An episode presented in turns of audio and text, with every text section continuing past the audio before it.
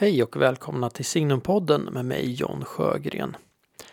En samtalspodd producerad av tidskriften Signum som rör sig högt och lågt, vitt och brett inom Signums intressesfär. Det vill säga kultur, teologi, kyrka och samhälle. Det här avsnittet gästas av författaren och akademiledamoten Horace Engdahl.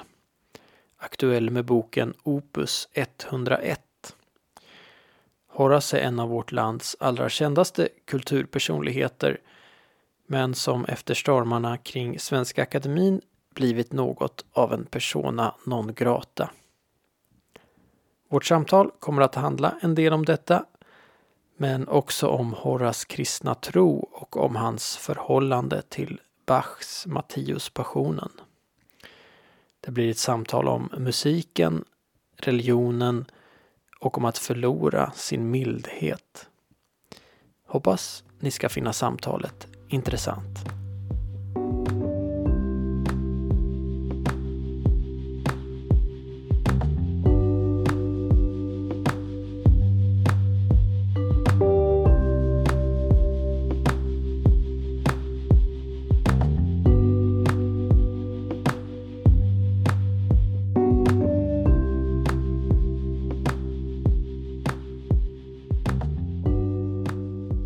Välkommen till Signumpodden, Horace Engdahl. Ja, tack ska du ha.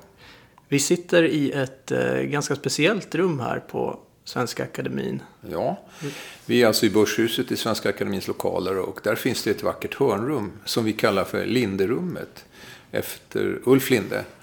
Och eh, att vi kallar det så beror på att på väggarna så hänger en del av hans konstsamling som akademin förvärvade strax före hans bortgång. Och det är speciellt en del av samlingen eh, som representerar de så kallade 1947 års män, som var en grupp eh, svenska konstnärer som fick sitt genombrott på en utställning 1947 i Stockholm.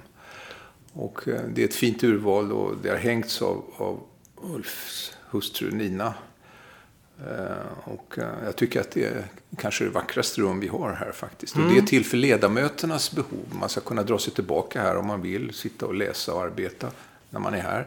Och man ska också kunna använda det för att träffa besökare utifrån och till exempel ge intervjuer som, som idag. Mm. Ja, det är ett väldigt fint rum. Och det är eh, speciella möbler vi sitter i också. Ja, de möbler vi sitter i de kommer från Magna Sunnerdal. Det är kanske inte så många som idag vet vem det är. Men eh, Magna var en, en fabrikörsdotter Eh, och som så småningom ärvde rejält mycket pengar. Och en mycket kultiverad dam som hade ett eh, umgänge i litterära kretsar och politiska kretsar. Hon var god vän med Alma Hedin som var en av de första kvinnor som satt i en politisk församling i Sverige, nämligen kommunalfullmäktige i Stockholm. Och eh, hon var god vän med Verner von Heidenstam och med Erik Axel Karlfeldt som båda satt i akademin. Och hon gifte sig aldrig. Hon verkade som mecenat i olika sammanhang. Gav pengar till välgörande ändamål. Nu eh, befann sig akademin i, i början av 1910-talet i ett besvärligt läge. Man var husvill. Mm. Eh, fram till början av 1900-talet så hade man hållit till i ett hus på Skeppsbron 8. Som ursprungligen hade varit en, en testamentarisk donation av en av de ständiga sekreterarna, Bernhard von Beskow. Det huset hade så småningom förfallit. Man måste sälja det och man hade ingen annan lokal. Och då kom Alma Hedin med den eh, fina idén att när, när stadens eh, styresmän flyttade ut ur Börshuset, det skulle de nämligen göra några år senare när det stora stadshuset, Ragnar Östbergs stadshus mm. i Riddarfjärden stod klart. Då, då var det ingen som egentligen visste vad man skulle använda Börshuset till. I bottenvåningen fanns eh, förstås eh, börsen, fondbörsen. Men de övre våningarna som hade varit representationslokaler för staden, vad gör vi med dem? Då, då sa Alma Hedin, men ge dem till Svenska Akademin. Akademin har ju firat sin högtidsdag i Börssalen mm. varje år, 20 december sedan 1786. Men stadens fäder tyckte inte att man kunde skänka bort ett hus på det där sättet. Det gick liksom inte för sig. Och då vidtalade eh, Alma sin gode vän eh, Verner von Heidenstam, som, som ju var en stilig karl och hon råkade veta att, att Magnus Sundahl var, var hemligt förälskad i Werner. Mm. Eh, och så bjöd hon ihop dem på en lunch och då hade hon sagt åt Werner innan att nu, nu när vi kommer till desserten så ska du luta dig över eh, fröken Sunnedals tallrik och så ska du säga skulle inte fröken Sunnedal kunna köpa Börshuset åt Svenska Akademin? och Werner var ju fräck så han gjorde det och, och eh, Magna Sundahl tittade ner och svarade blygt ja, jo, det skulle jag väl kunna göra. Och eh, så blev det också. Hon, hon inledde förhandlingar med Stockholms stad om att förvärva eh, halva byggnaden, det vill säga den övre delen där akademin skulle ha sina lokaler åt akademin. Och man slöt så småningom ett avtal. Hon blev lite lurad därför att stan sålde egentligen inte den här delen av huset utan upplät den bara Mm. För evig tid som det står i avtalet 1914. Och hyresfritt och underhållsfritt inklusive uppvärmning för akademin. Mm. Men Magna la ner en betydande summa och stan fick på det sättet förskott på alla kommande hyror och alla kommande kostnader som man skulle ha. Mm. Och, och, och, en rimlig summa skulle jag säga om man tänker att de skulle ha placerats så att de förräntade sig i alla fall. Eh, och därför så är det tack vare Magna Sundahl som akademin har suttit i Börshuset sedan 1921 då man flyttade in. Eh, då gick Axel Karlfeldt tog plats i sekreterarrummet som, som den första. Och eh, det är vi väldigt tacksamma för. Det är ju något av det vackraste vi har i Stockholm, mm, ett mm, börshus. Mm, vi firar ju då fortfarande högtidsdagen den 20 december i Börssalen. Och mm. Då gör vi det så att säga i eget hus. Mm. Ja, fint. Ja, jag har ju läst din, din senaste bok här som kommer ut alldeles i dagarna. Ja. Eh, idag tror jag, vi sitter och spelar in. Ja, den kommer ut i morgon tror jag. Det Imorgon, ja. Ja, 12. Mm. 12. Mm. Ja. Uh, och jag läste den med stort intresse. Och, men alltså det slog mig. Det här är Signumpodden. Vi är såklart lite särskilt intresserade av teologi och så här. Ja. Det, det handlar om ondskans natur. Mm. Det handlar om helvetet. Ja. Det handlar om frälsningen. Ja. Alltså har du gått och blivit teolog? Nej, det kan jag verkligen inte påstå. Teologin är ju en vetenskap och den måste man ju studera i grunden om man ska göra anspråk på att eh, formulera några satser inom dess ramar. Men varje kristen har ju rätt att yttra sig om sin tro och sin mm. övertygelse. Och varje kristen måste ta ställning till de stora frågorna som, mm. som, som har att göra med, eh, med liv och död och ont och gott. Och, de fordringar som ställs på den enskilde och eh, de möjligheter till försoning och nåd och ja, det som med ett högtidligt ord kallas för frälsning mm. som kan finnas. Och, och det där, eh, jag menar jag har ju varit jag säga övertygad kristen sedan jag kunde ha övertygelse överhuvudtaget. Det vill säga sen, sen ja, kanske 12-13 års åldern eller någonting sånt där. Mm. Alltså, faktiskt redan innan jag deltog i konfirmationsundervisning. Mm. Jag, jag, I motsats till tror jag, många av mina kamrater så upplevde jag inte konfirmationsundervisning som det minsta onödiga. Tvärtom. Jag gick in för det med liv och lust. För jag ville verkligen lära mig så mycket som möjligt om Bibeln och psalmboken och den kyrkliga traditionen. Mm. och, eh, jag måste ha varit en ganska skrämmande konfirmand på, på, på, många sätt tror jag för min lärare Olof Ullbrand. Eh, som väl inte riktigt var van vid den attityden från, från konfirmandens sida. Mm. Men eh, jag sätter stort värde på det jag lärde mig av honom. Och eh, sen, sen, har ju detta följt mig. Jag har ju varit kyrksam i varierande grad för att säga, under olika delar av mitt liv beroende på andra faktorer som ingriper och styr sådana saker. Men, men eh, sen under en lång tid så hade jag söner som sjöng i domkyrkans gosskör. Eh, och ehm, tre stycken eh, med, med, lite olika mellanrum. Eh, jag tror inte alla tre var med samtidigt i kören men det blev tillsammans en period på 20 år där jag liksom ständigt var med i kyrkan och i föräldragruppen och backade upp och deltog i gudstjänstlivet och var med på de här lägren på Gotland och sjöng i Sankta Maria då på latin. Och, mm -hmm för att anpassa sig till en föreställning om medeltida bruk och sådär. Ja, Underbara Mariahymner som man aldrig annars får höra och sådär. Mm. Så att jag tycker ändå mer och mer så har mitt liv kommit att väva samman med, med, med ja, den kyrkliga sfären på något sätt. Jag känner mig mm. oerhört hemma i den. Och mm. jag, har, jag har haft präster som vänner och har fortfarande. Och det, det finns få platser där jag känner mig så så, vad ska man säga,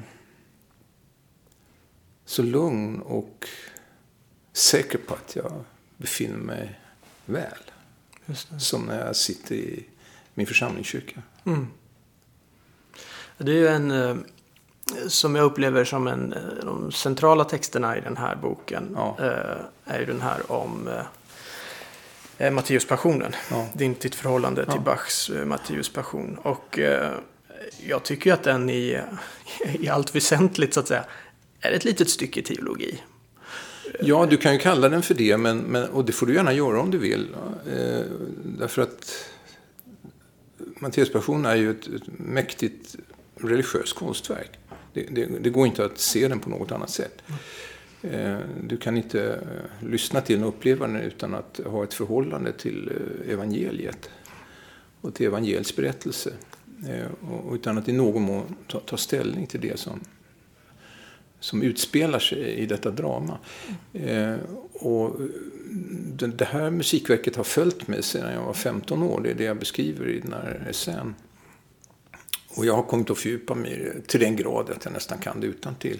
Även om jag inte själv är musiker skulle jag nästan kunna sjunga det rakt igenom. Och eh, det, det är på något sätt en av, vad ska man kalla det för?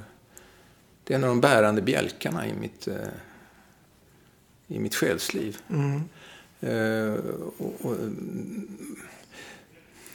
det, det, om det är teologi eller inte, det vet jag inte. Jag tycker nog att den essän också är, är mycket subjektiv Där. till sin natur. Nej, det är inte ett stycke vetenskap där. Nej. Inte. Det är ett stycke litteratur. Men eh, den berör ju de stora teologiska frågorna. Ja, det kan man Ja. säga att den gör. Ja. Absolut. Men du skriver någonstans där att det är ett verk om eh, livets realiteter. Mm. Om oss själva, Ja. Om Gud. Ja. Eh, hur det är, så att säga. ja, jag har ju varit fräck nog att kalla den för det. Ja, Och, och, och, där kommer ju in upplevelser av, av en natur som inte var tillgängliga för mig när jag först började lyssna på verket. Därför att man kan säga att den, det, det är som 17-åring, 17-18-åring som jag på allvar arbetar mig in i det här musikverket. Eh, Med, med, med, med klaverutdrag och, och grammofonskivor och, och besök på konserter. och Så. Alltså det, det är så att där den allvarliga insatsen egentligen ligger.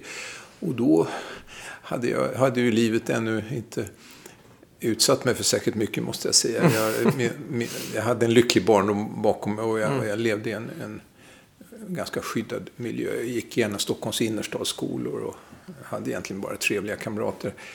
Och eh, lite kärlekssorg och sånt där, det var det värsta. det som hör till. Och, och, och- det gjorde väl att jag förstod det där verket på ett visst plan. Men, men ändå tycker jag idag ganska ytligt. Och eh, det var mest stämningen i det som tilltalade mig. Och, och, och naturligtvis den, den alltså berusande vackra musikaliska gestaltningen.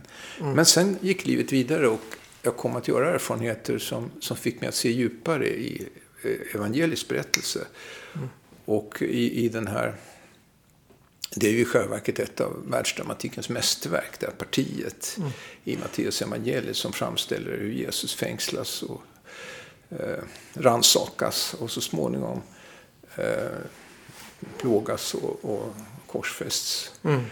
Ehm, och allt som hör till den berättelsen, det, det är ju Ja, det är, det är faktiskt inte mycket i världslitteraturen som kan mäta sig med Ja, just. Denna text. Och den finns ju i flera versioner som vi vet i och med att vi har fyra synoptiska evangelier, eller fyra evangelier som varav några är synoptiska och några ger lite andra. Men, men eh, Johannes evangeliet har ju en egen passion också där man Ja, kan uppleva den här historien på ett annat sätt. För Johannes evangeliet är ju väldigt annorlunda. Just. Eh, Det handlar ju mer om Guds storhet. Eh, Men, men Matteus evangeliets berättelse är ju verkligen mänsklig i, i radikal bemärkelse. Vi är väldigt nära händelsen. Vi, vi är verkligen nere på marken och, och vi är bland Kanske bland Jesus följeslagare men också i den anonyma hopen. Vi, vi, vi, är i Jerusalem på något sätt i det här verket. Och, och vi ser det för- framför våra ögon. Vi, vi förenar oss eh, med de som antingen skriker korsfäst eller som, som tvärtom kräver att Jesus ska friges och, och som, som gråter och slår sig för bröstet över det som inträffar. Och som så småningom sitter ner och sörjer över, över utgången av det hela. Och, och den intensiteten, eh, den är, det är det som gör eh, Matteuspassionen och redan evangeliet till ett stort konstverk. Mm. Nej, men precis, att man identifierar sig på, på alla plan på något sätt. Men, men det som jag upplever som den centrala insikten ja. som du kommer fram till i texten, det är ja. det här att vi, eh, vi identifierar oss med dem som så att säga driver Jesus in i döden. Ja, alltså. Ja. Kanske inte med översteprästen och kanske inte med fariseerna och så, men vi, med de som sviker Jesus snarare. Vilket ju är nästan alla. Ja, det, Förutom kvinnorna. Det, ja, möjligen kvinnor. Men kvinnor är maktlösa i det här mm. skeendet. Och, men de står kvar vid De korset. står kvar, det gör de. Mm. Det är sant. Det, det gör de. Och, och det, det handlar ju då om den här erfarenheten att när någon stöts ut och belastas med svåra anklagelser och så småningom blir, som det heter, syndabock för, mm. för ett helt samhällets försyndelser. Så är det väldigt svårt för vederbörandes anhängare och vänner att, att ta sig modet att stå kvar. Och mm. säga, jag tillhör den mannens anhängare, jag försvarar honom. Mm. Jag tänker inte vika. Jag, jag, tänker inte bara ifrån. Om ni vill ta honom får ni ta mig först och så vidare. Mm. Det, det sker nästan aldrig i verkligheten. Det är väldigt sorgligt att konstatera, men det är så. Och eh, har man sett ett sånt här skeende på, riktigt, då, då vet man vad det handlar om. Mm. Därför att skräcken griper alla och det gör den ju i evangeliets berättelse också. Ja, Lärjungarna flyr och Petrus förnekar. Det finns ju något... Eh, det är ju något mänskligt i det. Det är det som är också passionshistoriens styrka, att, man, att den är så mänsklig. Ja. Att man ser mänskligheten eh, mänsklighetens alla sidor på något sätt. Ja, så de flesta religiösa texter, om man ser det globalt i religionens historia, är ju idealiserande. Mm. De förskönar verkligheten och de, de framställer en stiliserad bild av ett skeende där, där det goda alltid triumferar. Mm. Evangelierna är ju unika på det sättet att de inte är idealiserande. Mm. Det är på det sättet de har kunnat eh, också utlösa en, en alternativ litterär tradition som är vår speciella västländska litterära tradition. Mm. Som inte har så stora likheter med den man finner i andra delar av världen. Och eh, det där finns ju hos Bachs eh, textförfattare i väldigt hög grad. Den här mm. förmågan mm. att, att uh, göra bruk av det. Av den, den, den, tillgången. Och Bach gör det ju inte sämre så att säga. Han förmår ju att, att fylla i alla linjer och, och ge det färg så att vi fullständigt tappar andan. Mm. Men det är fantastisk musik verkligen. Du, du skriver på ett ställe också som jag tycker sammanfattar eh, känslan utav Bachs musik och storheten. du skriver någonstans att, eh, att det kanske är konstens egenart att sammangjuta skönhet och fasa. Ja. Och det, är, det är ju någonting där i, mm. i just Matteus passionen. Ja, så är det. Alltså det är fasansfullt. Ja, det är men det, men det, men det, det, det, det är närmast det här, liksom, nej men det får inte vara så här vackert nej, också. Nej. Det finns ögonblick man nästan blir upprörd över det. Ja, men precis. Ja, jag tycker att, varför gör du så här? Men, men hans mening är ju att vi måste orka bära det här. Hur ska vi orka bära insikten om att vi är på det här sättet? Och att, att historien ser ut på det här viset. Och att mm. vi gjorde så här mot frälsaren som steg ner för att, för att befria oss från mm. döden. Och eh, hur ska vi bära den? Ja, det gör vi därför att han, han skänker oss den här skönheten. Mm. Som ett slags intravenöst valium, om man får uttrycka sig ja, riktigt rått. Lite socker i botten så går Ja, ja ner, inte bara lite, utan Nej, det är verkligen så socker. att du, du, får, du, du försätts i ett tillstånd där du inte nås av men, men, smärtimpulsen. Fast samtidigt finns det ju, tycker jag, melod, liksom, han var ju ett sånt melodigeni, Bach. Mm. Det finns ju melodier i i Matteus passion. Jag tänker till exempel på Erbarme Dish. Mm. Eh, som är, de är ju vackra. Ja. Det är ju otroligt vackert. Men ja. det är ju så vackert att det gör ont. Så, ja. att, så att det är den här liksom, det är en skönhet. I själva skönheten finns något smärtsamt också stundtals tycker jag. Det är sant. Den, den, den driver det hela så långt att, att att det är nästan outhärdligt. Jag menar, mm. Min reaktion när jag hörde den här musiken första gången och när jag började förstå verket var ju ofta att jag hela tiden satt och grät. Mm. Eh, därför att det var överväldigande. Och det kan jag fortfarande göra om jag hör ett framförande av Matteuspassionen. Mm. Det finns ju en eh, gammal kyrkofader som heter Gregorius den store som, som reflekterade kring varför gråter vi när någonting är så vackert? Varför gör det ont när någonting är så vackert? Vad kom Ja. han fram till? Han kom fram till att det är för att vi minns det förlorade paradiset. Ja. Eller, det är, eller två saker. Det ena är vi minns så det är smärtan över det som vi har förlorat. Mm. Men det är också aning. Vi anar det. Guds rike som ska komma. Så det är liksom minne och aning. Men båda är smärtsamma för vi är ju inte där. Nej. Utan det, den här, liksom vår belägenhet blir akut plötsligt. Vi är utdrivna ur Eden. Jag är inte hemma i världen. Nej.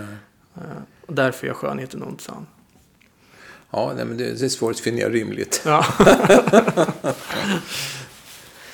Ehm, Men jag, jag tycker det är intressant, alltså ditt förhållande, om vi kan prata lite generellt om ditt förhållande till musik. Mm. Eh, jag vet ju att du, är- du är mycket intresserad av musik. Det Ja. framgår ju av de två stora texterna här, lite längre texterna handlar ju både om musik, Matteus passion och så är de Beethoven.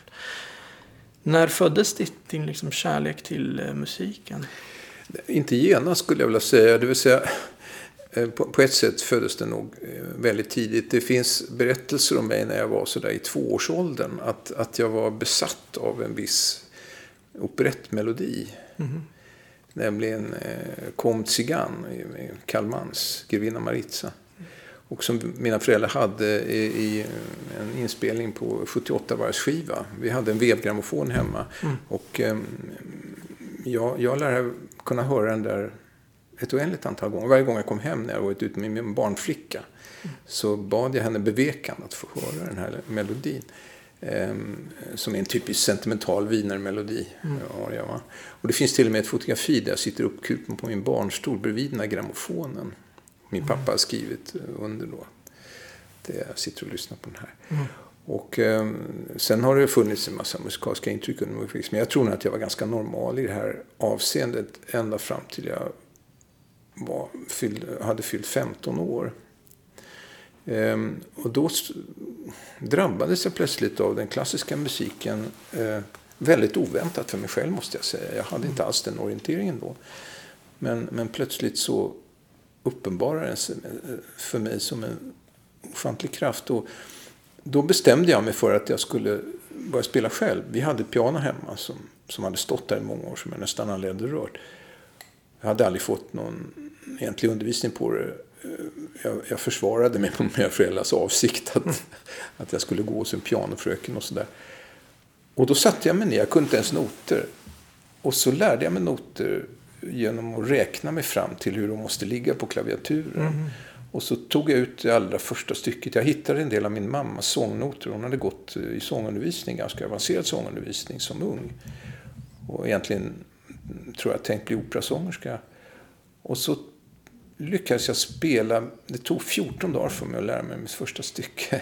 Och sedan arbetade jag vidare på egen hand med en otrolig frenesi som jag inte kan förklara. Det var som en besatthet. Jag, jag tror jag höll på, alltså vissa dagar, 7-8 timmar med det där. Och det gjorde att jag kom ganska fort fram.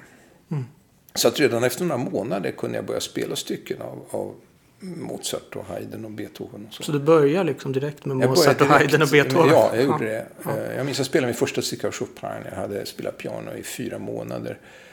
Och eh, det var som... Ja, jag vet inte, jag kan jämföra med någonting annat i mitt liv. Eh, Det gick inte att prata med mig om någonting annat. Och jag ägnade all min fritid åt detta. Och sen när jag hållit på i kanske något år eller två då går jag i gymnasiet alltså under den här tiden. Jag spelar ofta för vänner och så. Det tror jag är vad de minns om mig från de där åren faktiskt. Att jag sitter vid flygen eller vid pianot. Så, så sa jag mig att men kan jag verkligen ägna mig åt det här? Och då gjorde jag bekantskap med framförallt en, en flicka i en parallellklass som verkligen hade skolats till pianist. Hon hade börjat väldigt tidigt som man måste göra om nerverna ska plöjas upp så att säga. Det ska fungera. Att du får precision och snabbheten som du behöver som en, en konsertpianist. Och hon spelade oerhört bra. Alltså. Och när jag hörde henne spela förstod jag att jag aldrig skulle komma dit igen. Det skulle aldrig gå. Va? Jag hade börjat för sent. Och, och med stor, stor smärta så accepterade jag detta. Mm. Och jag tror att det var då jag på, på något sätt gjorde den här överväxlingen. Så att säga. Jag bestämde mig för att ta klivet över i litteraturen som det näst bästa. eh, och sen blev det litteraturen för min del. Nej, men sen kan man säga att från det ögonblicket så, så flyttade jag så att säga, in pianot i mitt hemliga liv. Det blev en del av min intimsfär. Eh, jag undvek under väldigt, väldigt många år att spela för andra än möjligen min partner, mm. mina barn. Och um, det blir min hemliga last helt enkelt, uh, som jag odlade i skymundan. Men sen hände det när jag, ja, det kan väl ha varit när jag var lite drygt 40, så, så fick jag kontakt med en god vän. Vi bodde i Gamla stan här på den tiden som var bariton och som hade faktiskt utbildat sig till sångare men sen slagit om och blivit svensklärare. Men han sjöng ofta i kyrkor och på fester och sådär. Mm. Och han behövde en ackompanjatör. Mm. Han hade hört att jag spelade piano. Jag vet inte mm. hur han lyckades ta reda på det. Vi bodde bara 100 meter från varandra här. Så han sa, hörru du, jag ska, jag ska sjunga på en eh, doktorsdisputation om två veckor och jag måste ha en ackompanjatör. Kan inte du, kan inte du köra i mässa med? Jag har aldrig gjort det, jag har aldrig spelat för, på det här sättet. Ja, men jag släpper ner noterna i din brevlåda. Ja. Och det gjorde han då. Va? Och det var, det var en, en, svenska saker. Va? Det var Ture Rangström och det var eh, Pettersson Berger och lite sånt där. Mm. Eh, det var inte överdrivet lätt. Alltså. Men jag, jag, jag, arbetade eh, som en liten blå i två veckor med det här. Så lyckades jag faktiskt få det att låta ganska hyggligt. Och så repade vi hemma hos honom en kväll. För nästa dag så skulle vi framföra det, vilket vi också gjorde. Men då när vi satt där hemma hos honom den här kvällen så hade han hade ett jättelikt skåp fullt med noter.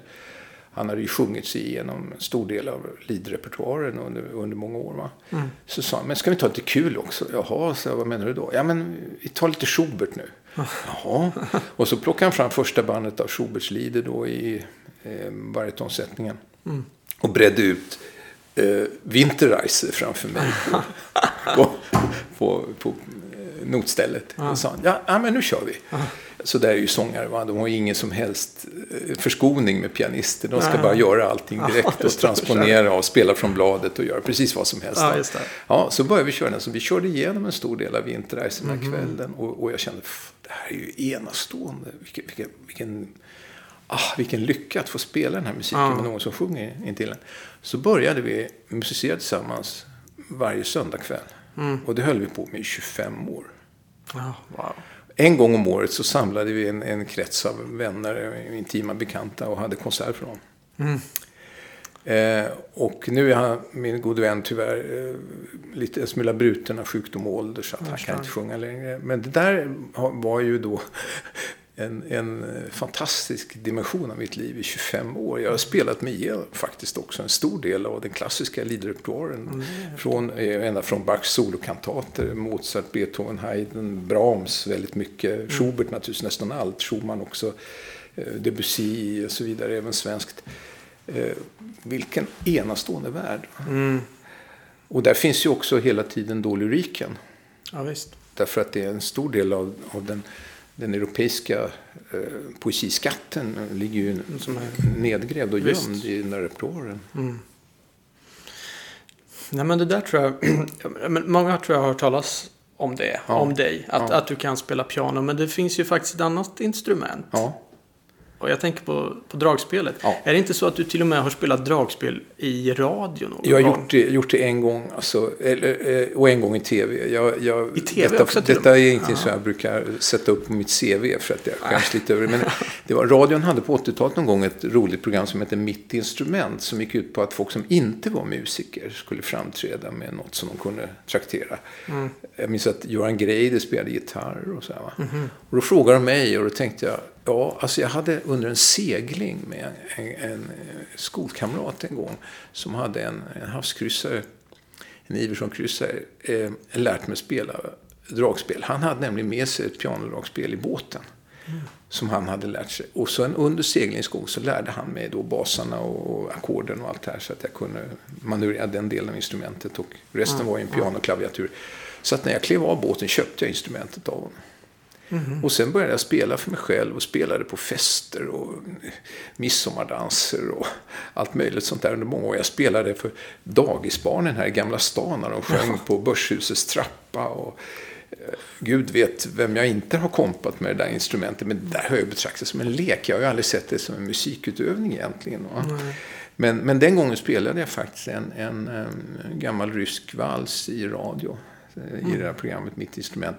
Sen fick faktiskt Christian Luk mig vid ett tillfälle när han skulle intervjua mig ta med mig det där eh, spelet. Så att jag har även spelat en kort snutt. Vad det nu var, jag minns inte riktigt vad det var. I, i, i, i tv och nu kommer höjdpunkten. Jag har en gång framträtt på Operans scen med dragspelet. Är det sant? Ja.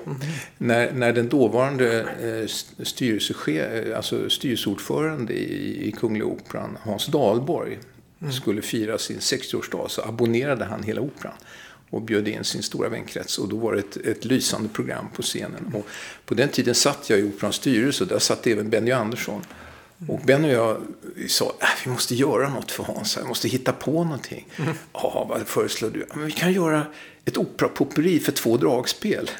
Benny är ju en makalös dragspelare. Ja, ja. Så vi träffades i hans studio på Skeppsholmen. Så, ja, så liksom, snickrade vi till ett operapopperi.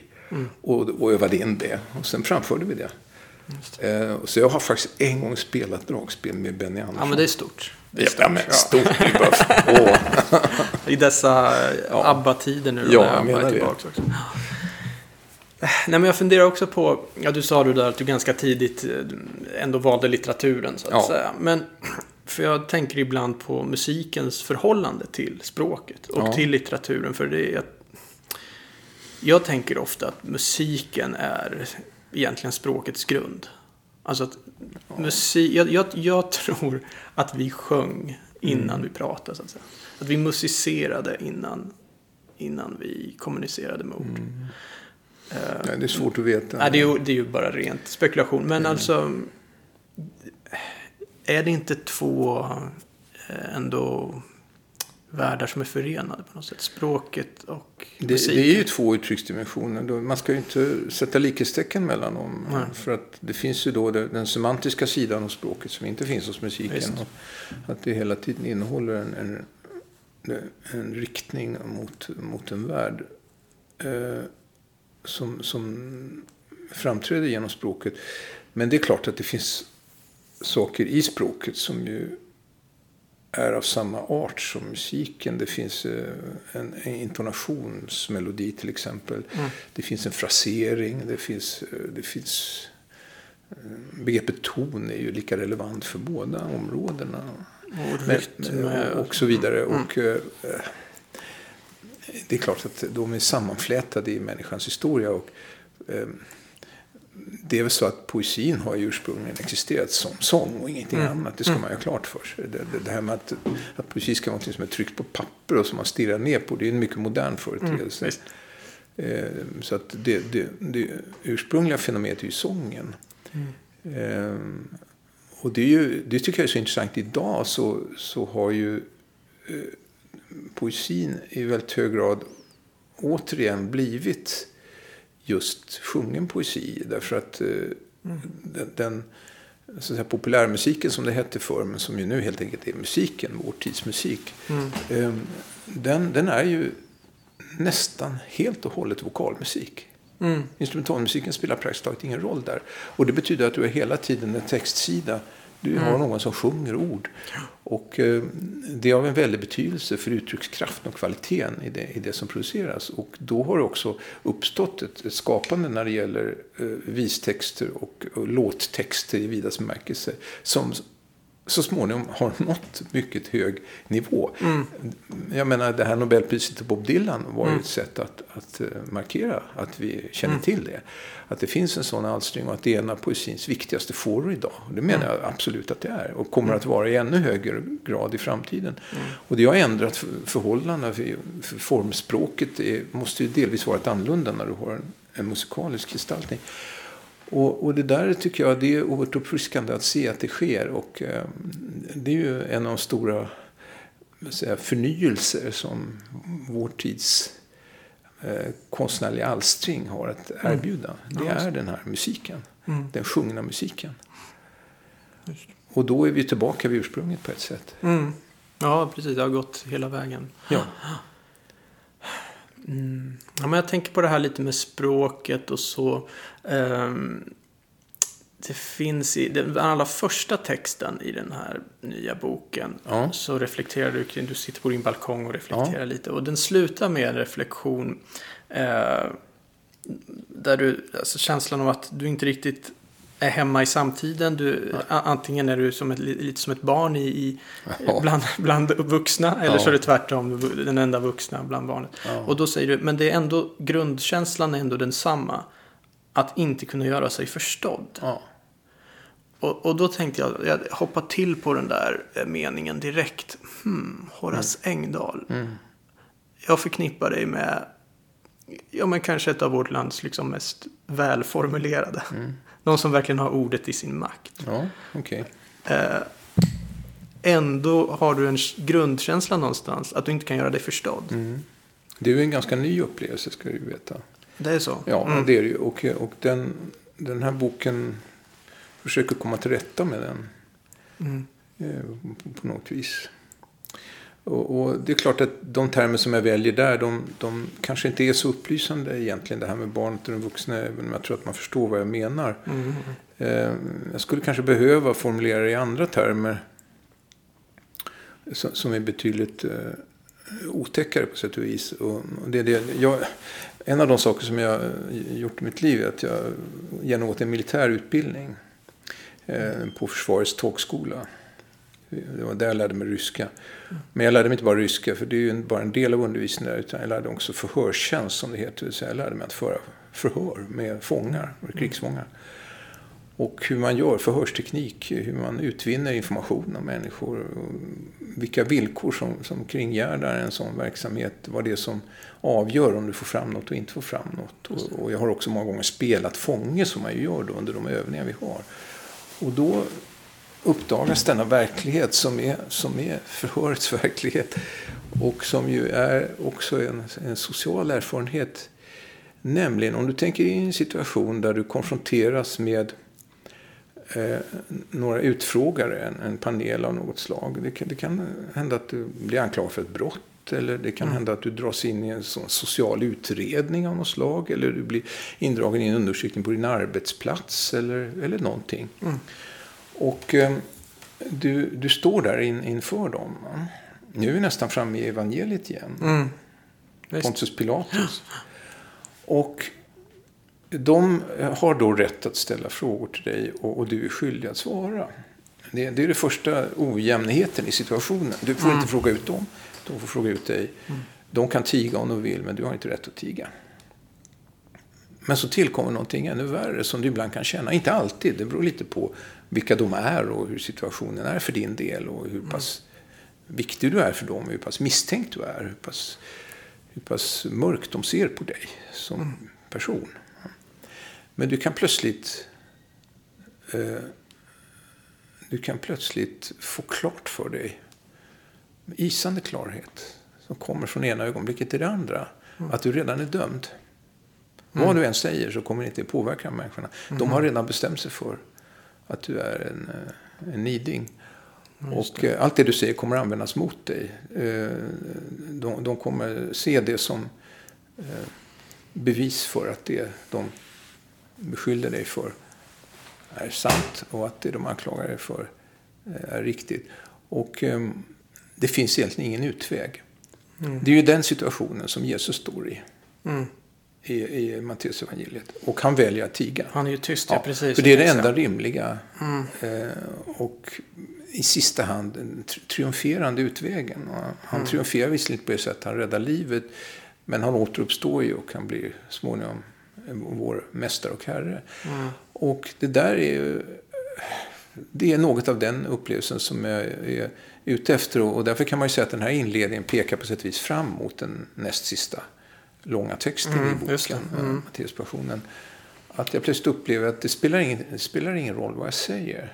Nej, längre. Det, det är det det handlar Jag är om, att du redan inte kan göra ändå. förstådd. Ja. Ja. det är inte så mycket, liksom, det handlar inte om språket. Nej, det eller handlar inte om liksom språket. Att, nej. nej. Utan det handlar om samhället. Att samhället det. har blivit sånt att en sån person som jag är inte längre eh, att tro. Ja, Och eh, då handlar det inte, skulle jag specifikt och inskränkt om det här som inträffade i den så kallade akademins kris och, och, och med, i de pressdebatter som följde på den och de konfrontationer mm. jag hade med journalister och så. Utan det är mer generellt kanske att, att jag plötsligt upplevde att en, en person av min art är inte längre eh, trovärdig. En person, för det första en mansperson, för det andra en medelålders mansperson, för det andra en, en person som tillhör den så kallade kultureliten, för det tredje en mm. vit person, för det tredje en europeisk vit eh, och så vidare. och så vidare. Du kan rada upp en massa eh, parametrar här som alla talar emot mig och som gör att jag är en person som inte är betrodd. Och som ska, vars, vars, miss, vars yttrande principiellt sett ska misstänkas för att vara eh, undanflykter. Mm. Eh, eller vad du nu vill kalla det för. Och, eh, eh, detta är naturligtvis någonting som inte finns på ett radikalt sätt i min enskilda personliga situation. Det vill jag inte alls säga. Jag, menar, nej, jag befinner nej. mig faktiskt inte i en förhörssituation till exempel nu. Nej. Vi får ett kultiverat samtal. Mm. Och det gör jag ju väldigt sällan, man. eller nästan aldrig. Mm. Men, men det finns ändå där som ett latent hot. Det finns där i luften. Det finns där som en del av vår eh, tidsanda. Mm, jo, visst. Uh, nej, men det där tror jag många känner igen. Men samtidigt så tänker jag på, på din historia. Uh, för jag tänkte ibland liksom hela den här akademikrisen och den, den här du har hamnat i de, de senaste åren. Ja. Är det egentligen en så stor skillnad mot Ja, tidigare? Ja, alltså när du träder in i offentligheten på 80-talet där. Ja. Eh, då är det hela den här postmodernistdebatten. Ja, alltså du blev, nej, du blev ganska Jag hårt... blev rätt så hårt åtsatt då också. Eh, verkligen. Eller hårt ansatt heter det visst på ja. svenska. Så, att, så att, eh, är det så stor skillnad? Jag, jag, tänker att ditt liv på något nej, sätt det är inte, det, väldigt, nej, det har varit strider nej, nästan hela tiden. Du har helt rätt. Alltså ja. det, det, det, här började redan, ja, 81 var det faktiskt den stora postmodernistdebatten, sommaren mm, 81. Mm. Och, eller om det var 82, vänta nu måste jag, 82 Fel, ja, 82 var det. Det var 82. Jo, jo, jo, jo, det var det. För att jag kommer ihåg det. Jag kommer ihåg hur det började. Jag hade ju eh, stigit in i, i tidningsoffentligheten hösten 1980. Då började jag skriva Expressen. Mm. Litteraturkritik och danskritik. Jag hade ju varit verksam i tidskriften Kris redan i några år. Ja. Och på andra ställen. Men då en ganska ex exklusiv sfär. Nu talade jag plötsligt till den stora eh, kulturintresserade allmänheten. Och sen lyfte Arne Rut över mig till Dagens Nyheter när han blev kulturchef på Dagens Nyheter. Jag började skriva där. En av de första artiklar jag skrev var en recension av en bok som heter Självdeklaration. Där min generations unga svenska författare pratade om sitt skrivande. Mm. Och jag skrev en ganska hård recension för jag tyckte det de sa var ogenomtänkt och, och fånigt i de flesta fall och verklighetsfrämmande. Och att de saknade kontakt med den då pågående estetiska diskussionen på litteraturens område. Och åtminstone den diskussion som pågick i de stora kulturländerna. Mm. De verkar inte bry sig om det alls. Och när jag hade lämnat in artikeln Eh, eh, så åkte jag till, till Tyskland på en resa tillsammans med min, min dåvarande fru. Eh, till Lübeck och vi var där några dagar. Vi hade väldigt, väldigt trevligt då. Och så småningom kom vi hem och då visade det sig att medan vi hade var borta så hade helvetet brutit löst. Mm. Då hade postmodernistdebatten nämligen kommit igång. Och jag hade redan blivit angripen på fyra, fem ställen. Mm. Innan jag ens hade hunnit sätta foten på fosterlandets jord igen.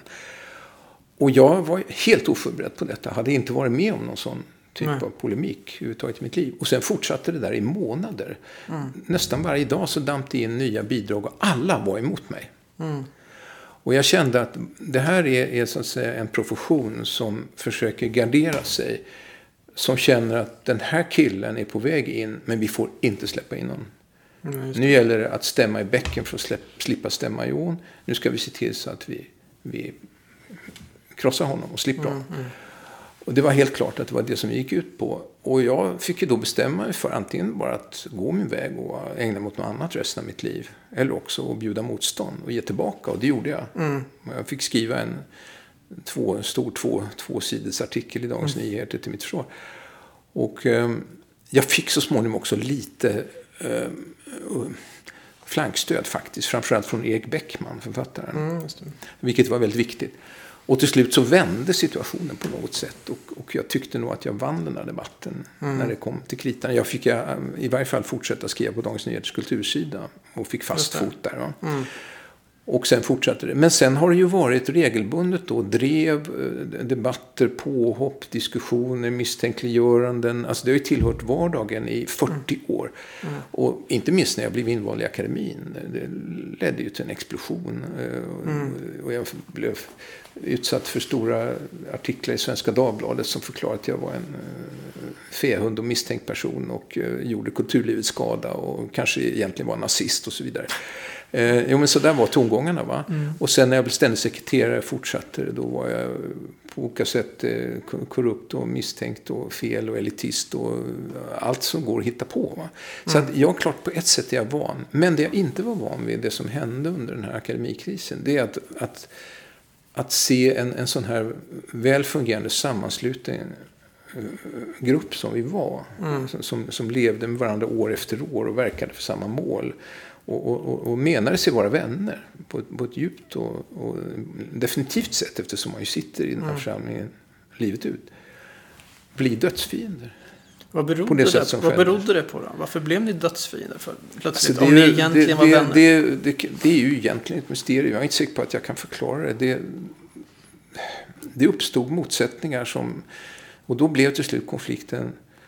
eh, det- Dels så sprängde den ju faktiskt eh, gruppen och många, Mm. några av de bästa försvann. Och eh, sen sänkte den vårt, vårt eh, yttre anseende på ett alldeles förfärligt sätt. Både nationellt och internationellt. Det var helt enkelt en katastrof. Det är en kri- det sämsta krishantering som förmodligen någon svensk kulturinstitution någonsin har, har dukat upp. Och det är ju, efteråt förstår ingen hur det här egentligen kunde hända. Och idag så finns ju inte alls de där onda känslorna.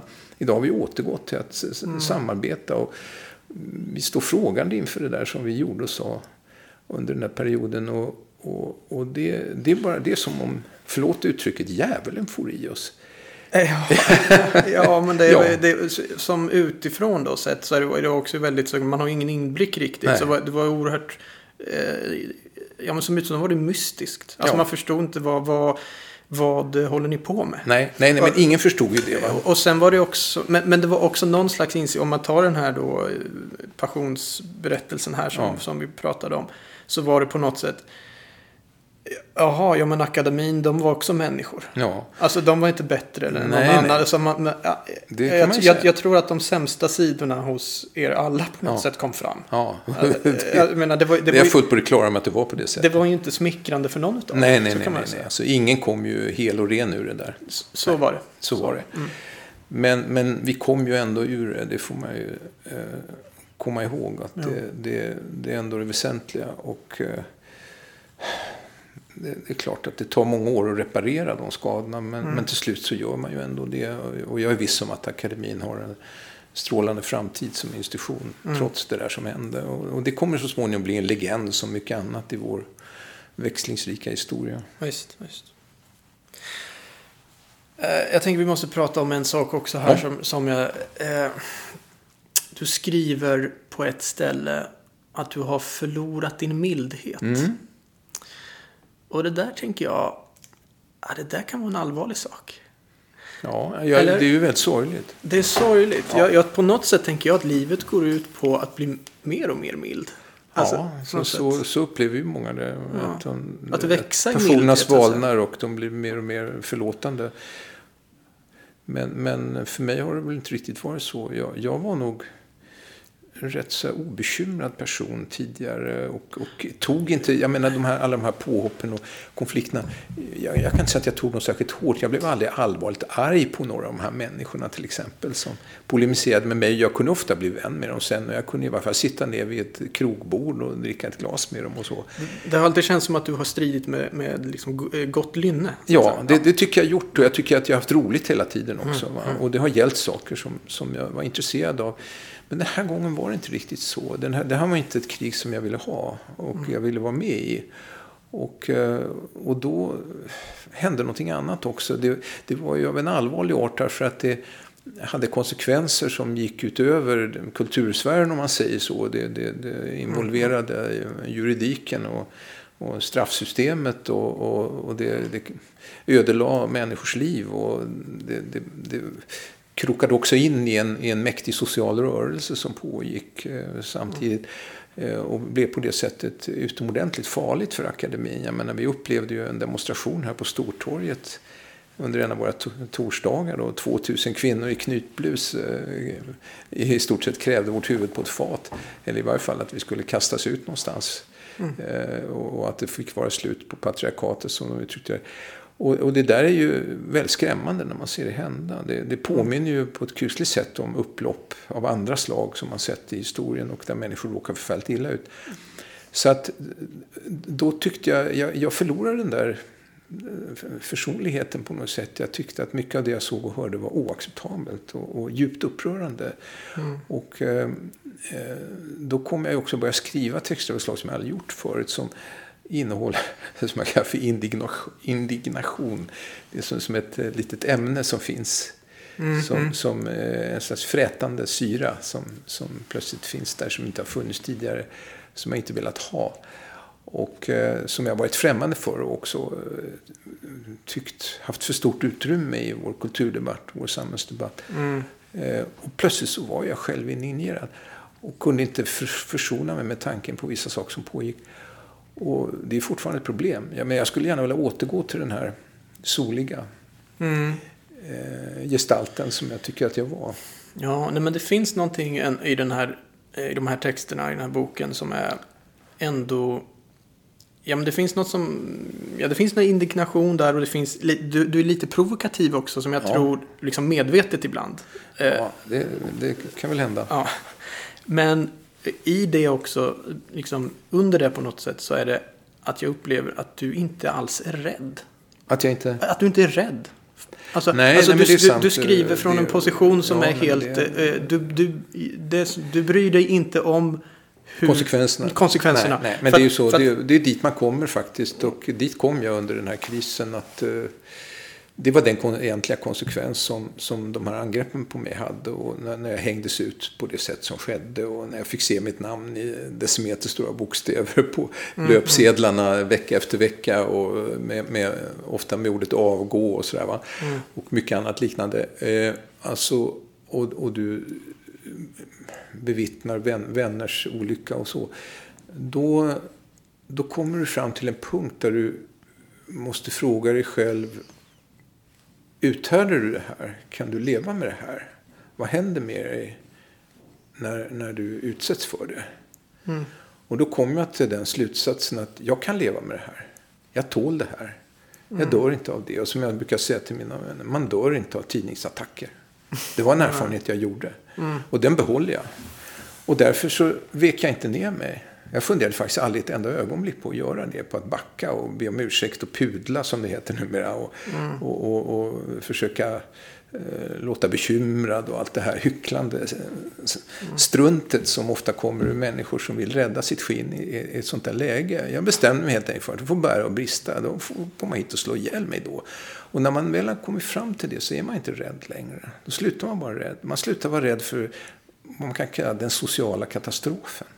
Mm. Som ju ofta är det som människor är allra mest rädda för. Därför att det farligaste som finns är att hamna utanför gruppen i ett mänskligt samhälle. Jag, jag tror att det är de, de allra flesta människors djupaste rädsla. Det är att bli ja. utstött. Ja, det tror jag också. Ja. Det. Och det, finns det finns ju forskning som tyder på att, att, när det gäller blockering i det mänskliga tänkandet så är den blockering som finns hos alla, även de mest intelligenta och som förorsakar de största härjningarna eller oförmåga att ta till sig argument är just rädslan mm. att bli utstött ur gruppen. Mm.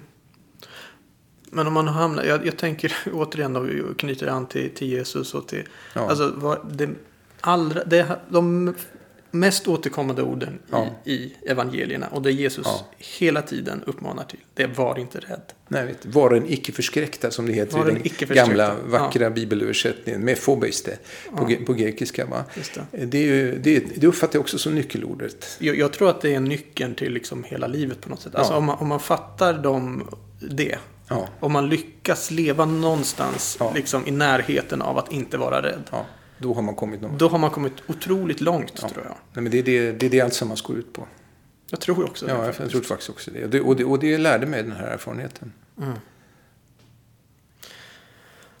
Ja, men avslut, avslutningsvis här då. Du har förlorat din mildhet. Jag, jag blir ju lite, jag blir lite... Det är inte bra, tänker jag. Då tänker jag så här, hur ska du återfå din mildhet? Har du någon plan? Ja, alltså jag gör ju vad jag kan på det sättet att jag faktiskt inte, inte rusar in i de här eh, samhällsdebatterna som pågår nu. Mm. I de frågor som ja, på något sätt upprör mig. Jag nöjer mig med att skriva på det sätt som jag gör i den här boken och i den förra boken. Bekymrade. Därför att jag vet att de som jag kan tala till, de kommer att uppfånga det och de kommer att förstå vad jag menar. Jag behöver inte höja rösten mer än så. Och då kan jag vara i balans med min egen lust. Lusten att formulera mig, lusten att tänka. Som kan komma till uttryck i den här typen av skrivande.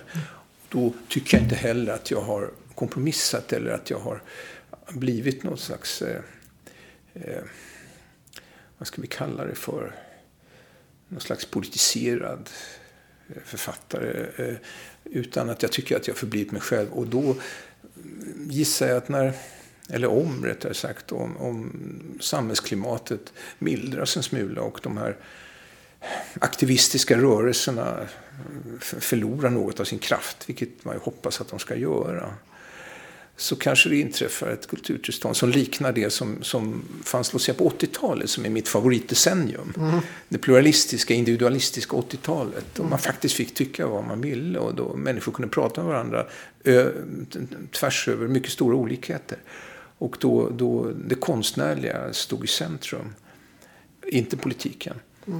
Och ehm, ja, kanske hinner man uppleva det. I så fall kommer jag att bli mild igen, det lovar jag. Det, det hänger på samtiden. Det Ja, hänger på det tiden. Ja.